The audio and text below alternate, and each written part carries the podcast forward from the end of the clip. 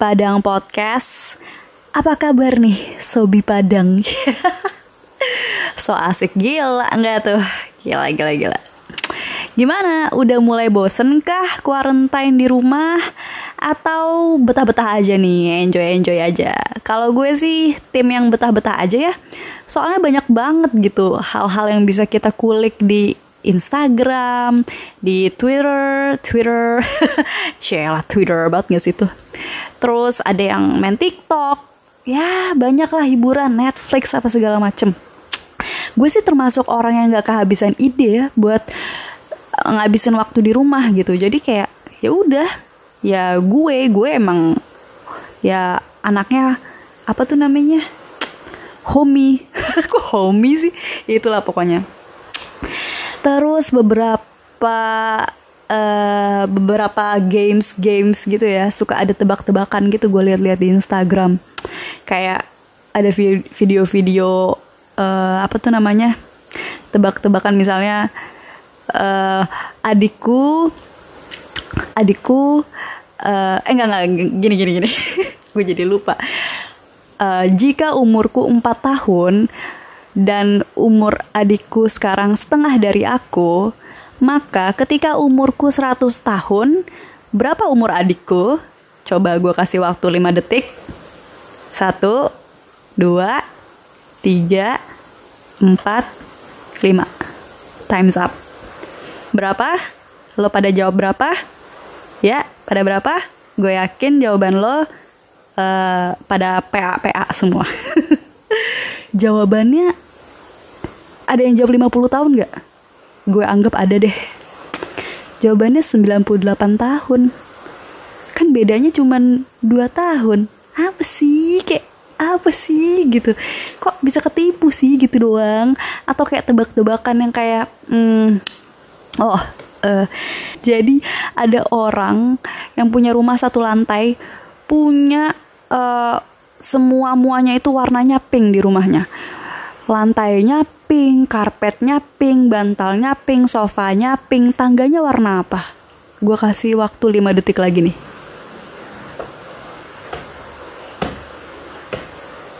Time's up.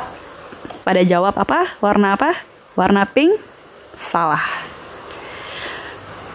satu lantai bro kagak ada lantainya eh kagak ada lantainya kagak ada tangganya ya ampun itu tuh kayak ya elah please banget simak simak gitu.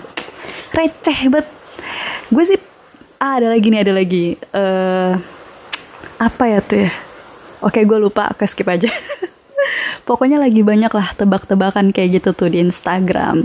Nah gue sih bukan aliran tebak-tebakan kayak gitu ya. Menurut gue kayak ya elah itu tebakan tuh kayak yang ya elah gitu loh tebak-tebakan ya elah menurut gue. Kurang kurang gitu. Kurang mengasah otak sih kalau gue dari dulu tuh mainannya mainan tebak-tebakan riddle tau gak sih lo? Riddle. Itu tuh seru banget tuh. Jadi riddle itu semacam tebak-tebakan yang genrenya tuh misteri ya kalau menurut gue. Kadang misteri, kadang pembunuhan, kadang pemecahan kasus, pokoknya seru-seru.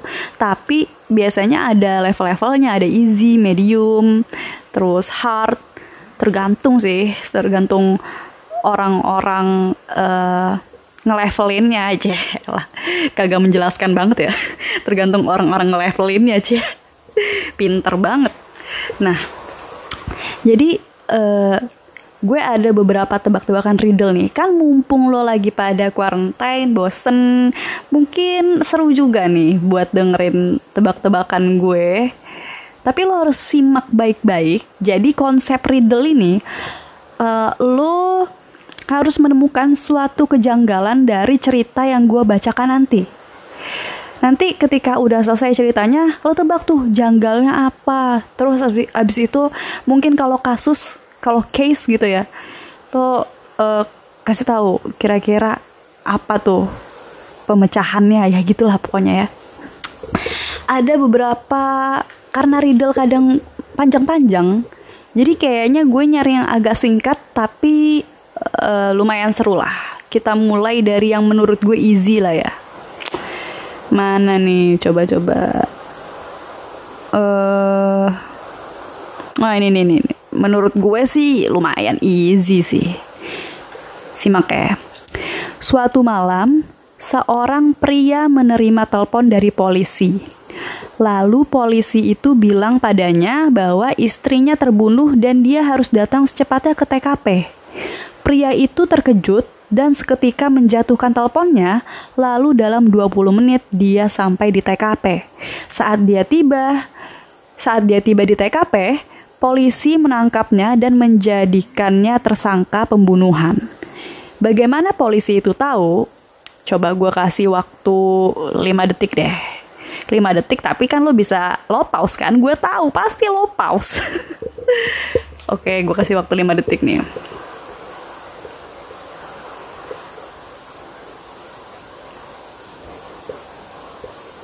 Kira-kira apa yang janggal dari cerita ini?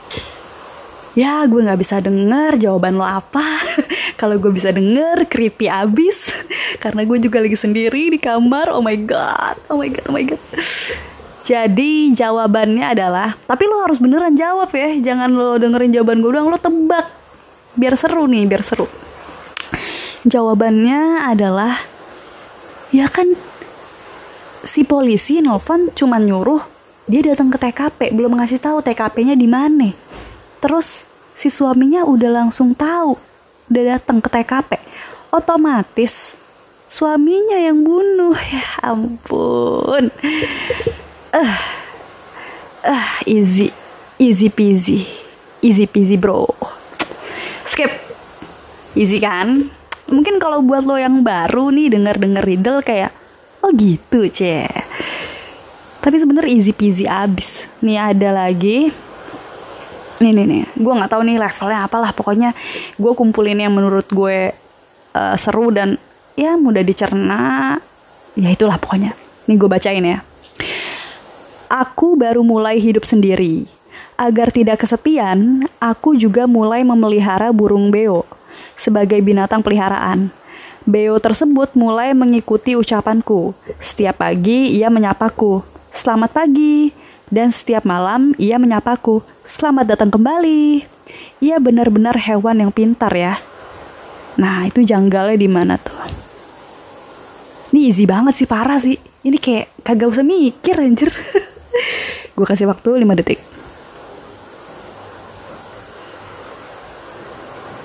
Ya stop. Ya udah jawabannya kayak ya siapa yang ngajarin beonya anjir? kok dia bisa ngomong eh maksud gue kayak kok dia bisa ngomong selamat datang kembali?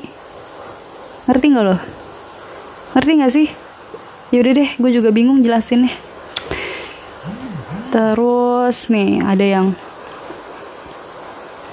uh, oh ini nih nih nih nih nih ini seru nih seru nih seru nih. Ini nggak se-easy itu. Oke okay, kita mulai. Aku bertengkar hebat dengan orang tuaku dan akhirnya memutuskan untuk tinggal sendiri sejak dari sekarang. Hari pertama aku hidup mandiri. Aku memulainya dengan hal-hal biasa seperti sarapan, mandi, dan kemudian bersiap berangkat. Oh iya, hampir lupa. Aku harus membuang sampah. Aku pun keluar dari rumah dan menyapa tetanggaku yang selalu menyirami tanamannya setiap pagi. Aku kemudian mengunci pintu, kemudian berangkat.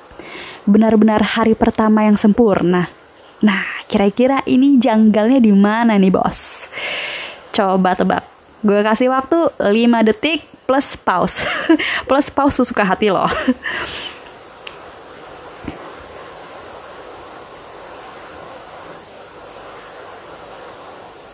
Tetot. Dah?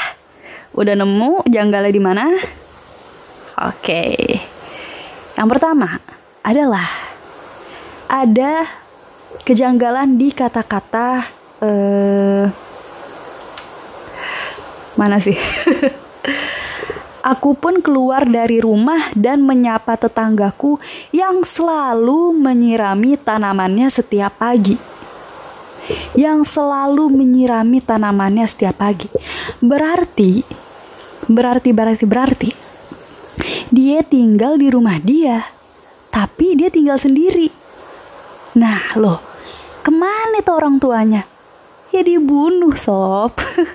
Biar dia tinggal sendiri ya dia bunuh. Habis itu dia buang sampah itu buang mayat. Kan dia bilang hari pertama aku hidup mandiri, aku memulainya dengan hal-hal biasa. Dia sebutin kan hal-hal biasanya seperti sarapan, mandi, bersiap berangkat. Terus ada hal yang nggak biasanya dia lakuin nih. Oh iya, hampir lupa, aku harus membuang sampah. Nah loh, kok bisa nih? Dia melakukan hal yang, eh lo paham kan mas gue? Aduh, masa gitu aja? Jadi gitu. Tragis ya. Gue lumayan gak begitu ngeh nih waktu baca sekali. Biasanya kayak sekali, oh ya. Yeah. gak juga sih, gak juga. Ya itu masih middle-middle lah, medium-medium. Ada lagi nih, uh, nih nih nih nih. Nih lumayan mikir juga sih. Gue gue jujur baca contekan sih kalau yang ini. Soal biasanya gue nebak dulu, gue samain, oh bener gitu kan lah kalau ini gue bener-bener kayak no clue gitu hah apa gitu oke kita mulai jadi di sana ada seorang pria tua yang tinggal sendirian. Ia merasa sangat lelah ketika ia ingin pergi ke kamar mandi. Ketika keluar dari kamar mandi, ia mematikan lampu sebelum pergi tidur. Pagi harinya, ia mendengar berita lewat radio bahwa ada kapal laut yang menabrak karang. Pria itu menyesal lalu membuka jendela dan melompat terjun dari tempat tinggalnya itu. Nah, ini gue gak begitu nangkep nih. Kenapa gitu? Kenapa ya ada ada orang tinggal sendirian kayak random aja gitu kayak nggak hmm, apa nggak berhubungan ceritanya gitu. Gue kasih waktu deh kejanggalan dan pemecahannya tuh kayak gimana nih. Gue kasih waktu 5 detik. Satu dua tiga empat lima. Dah op. Jadi jawabannya adalah si pria tua ini penjaga mercusuar. Dan dia ketika malam malah dia matiin lampu mercusuar. Jadilah kecelakaan kapal. Lumayan mikir ya. Lumayan kayak kok penjaga mercusuar tiba-tiba? gitu. Atau lo semua ada yang udah mikir ke sana? Wah emang gue akuin sih. Ya pas-pasan lah otak saya ya gitu gue kayak gak kepikiran aja gitu kenapa tiba-tiba si pria tua itu merasa bersalah terus lompat terjun keluar gitu ternyata gara-gara dia kecelakaannya oke lanjut lagi nih Hmm, masih kurang seru ya? Ntar ya. Hmm, mana ya? Inggris. Nanti yang paling mikir gue taruh di akhir aja deh. Biar lu udah mumet-mumet tuh ya. Terus gue suruh mikir lagi. Hmm. Oh. Oh, yang ini aja nih. Mana sih kok nggak ketemu ya?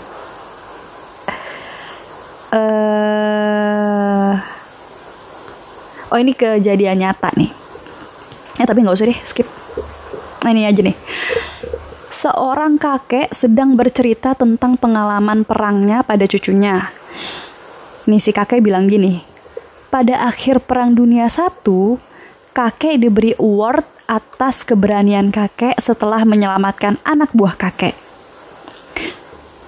cucuku Waktu itu kami sedang bertempur di utara Perancis dan salah satu musuh kami melempar sebuah granat ke arah kami. Tapi dengan cepat kakek berhasil mengambil dan membuangnya sebelum granat itu meledak.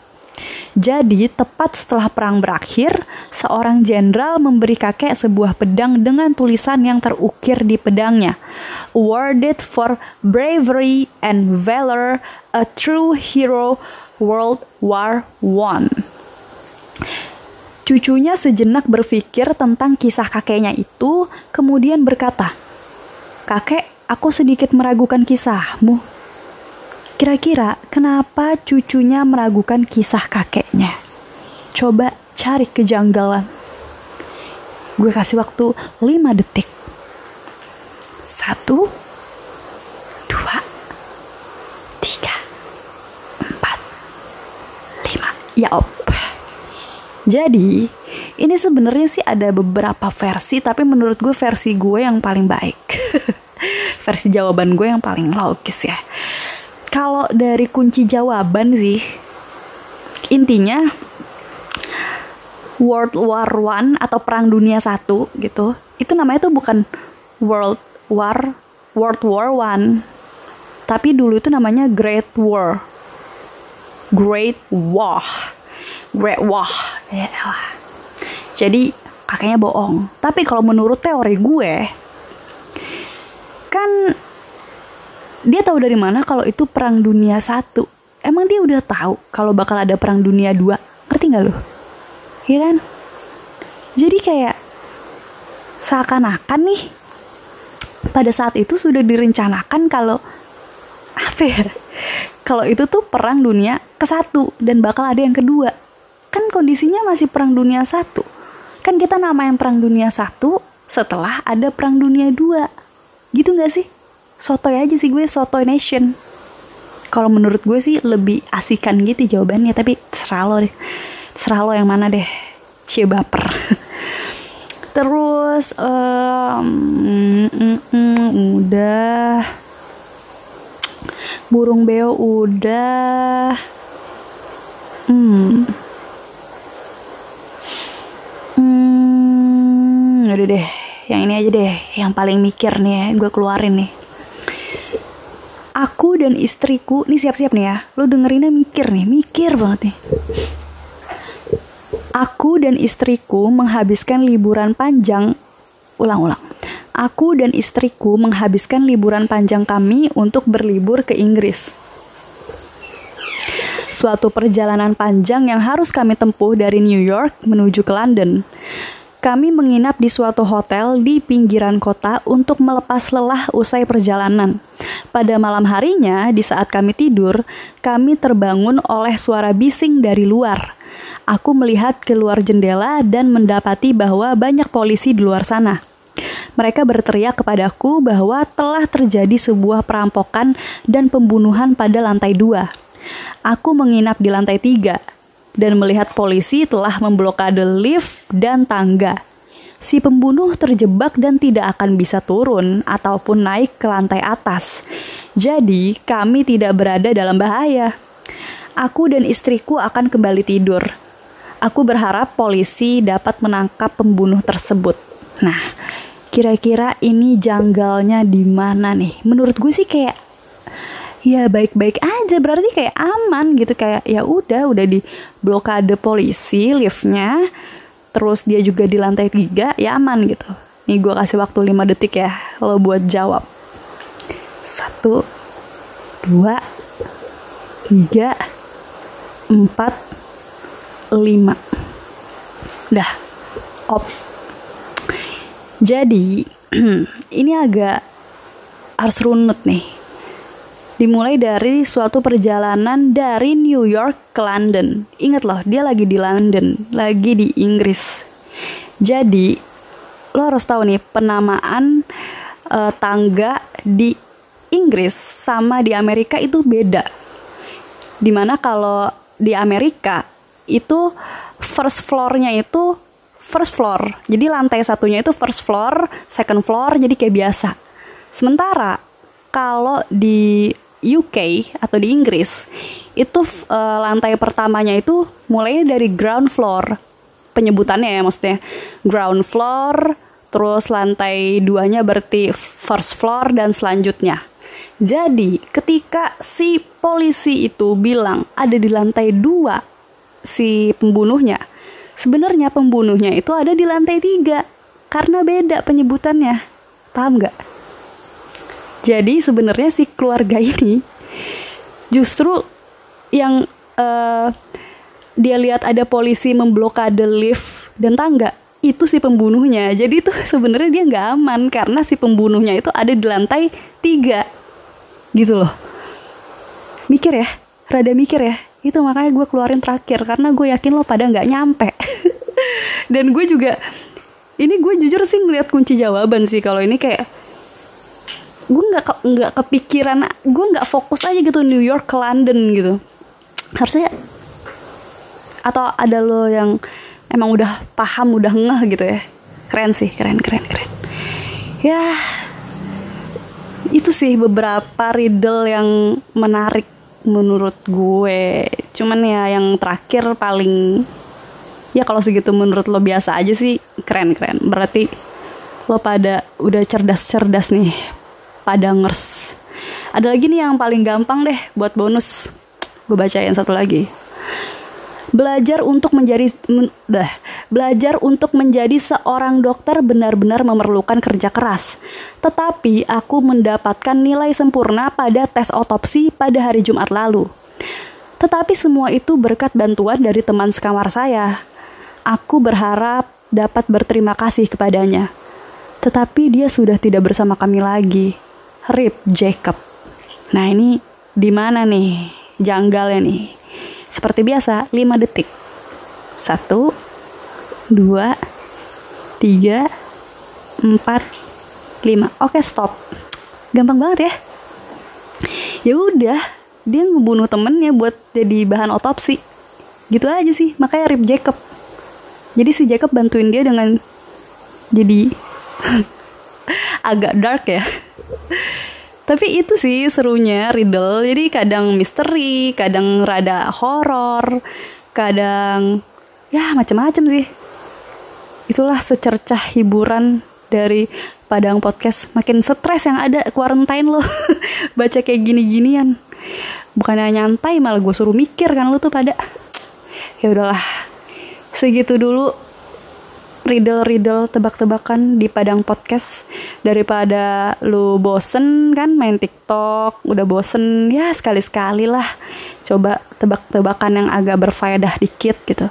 Kalau misal lo mau nyari tebak-tebakan tebak-tebakan kayak gini gampang banget lo tinggal search aja di Google riddle misteri gitu. Nah ntar keluar banyak deh. Cuman ada kayak yang easy peasy ada yang kayak ya ya lo lo pilah-pilah aja yang ceritanya seru-seru nanti banyak kok di web-web gitu. Ini gue juga ngambil di Google.